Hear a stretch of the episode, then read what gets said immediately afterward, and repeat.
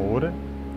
Dis 'n wonderlike dag en is so heerlik om met jou te kan gesels rondom God se woord. Nou, ons het gepraat oor om uit Egipte uit te kom en deur die woestyn te gaan en eers en dan later te kom in ons beloofde land. Um is vir mense wat dalk nog nie die woord gelees het of die Bybel gelees het nie 'n 'n vreemde konsep want hulle verstaan dalk nie. Maar ons gebruik dit, die verhaal van Israel wat moes trek uit Egipte uit en dan na die beloofde land toe gaan. Gebruik ons as 'n voorbeeld en 'n analogie vir ons eie geestelike lewe. Nou terwyl 'n mens in Egipte is, is jy in 'n plek van slawerny. Jy's in 'n plek waar jy onderdruk word en waar jy voel maar hier's iets wat my vashou. En jy wil graag op 'n plek kom waar jy vry kan wees. Nou sonde doen dit aan jou en my. Sonde hou ons vasgevang en dit lyk asof daar by voordele is want daar's vleispotte en alles lyk oulik. Maar hier binne in ons is daar iets wat hinker en roep na vryheid, na iets anderste. En dit is wat Christus gee.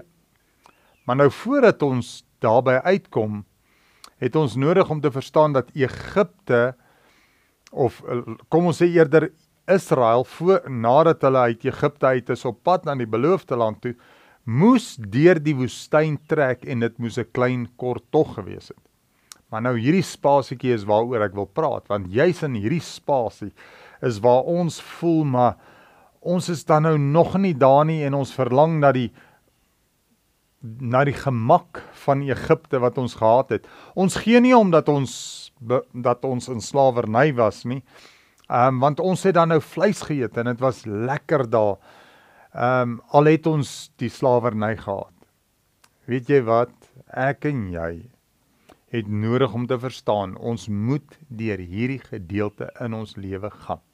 Ons het nodig om te ontdek dat God is my bron. God is die een wat voorsien en wat gebeur binne in die woestyn, die Here voorsien vir hulle manna en kwartels.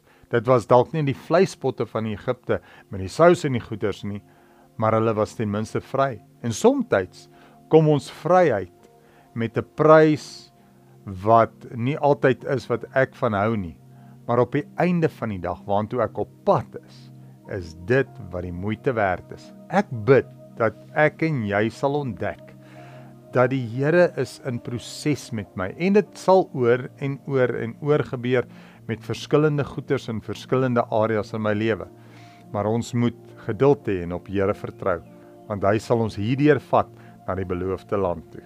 Kom ons bid net saam. Vader, ek vra dat U ons sal help om te fokus op U. Here om nie te fokus op dit wat ons gehaat het nie, maar om te sien wat voor ons lê en om bereid te wees om hierdie klein tyd deur te gaan en te weet dit wat op die einde voorlê is die moeite werd. Amen. Mag die Here jou seën en mag jy op hom vertrou. Totsiens.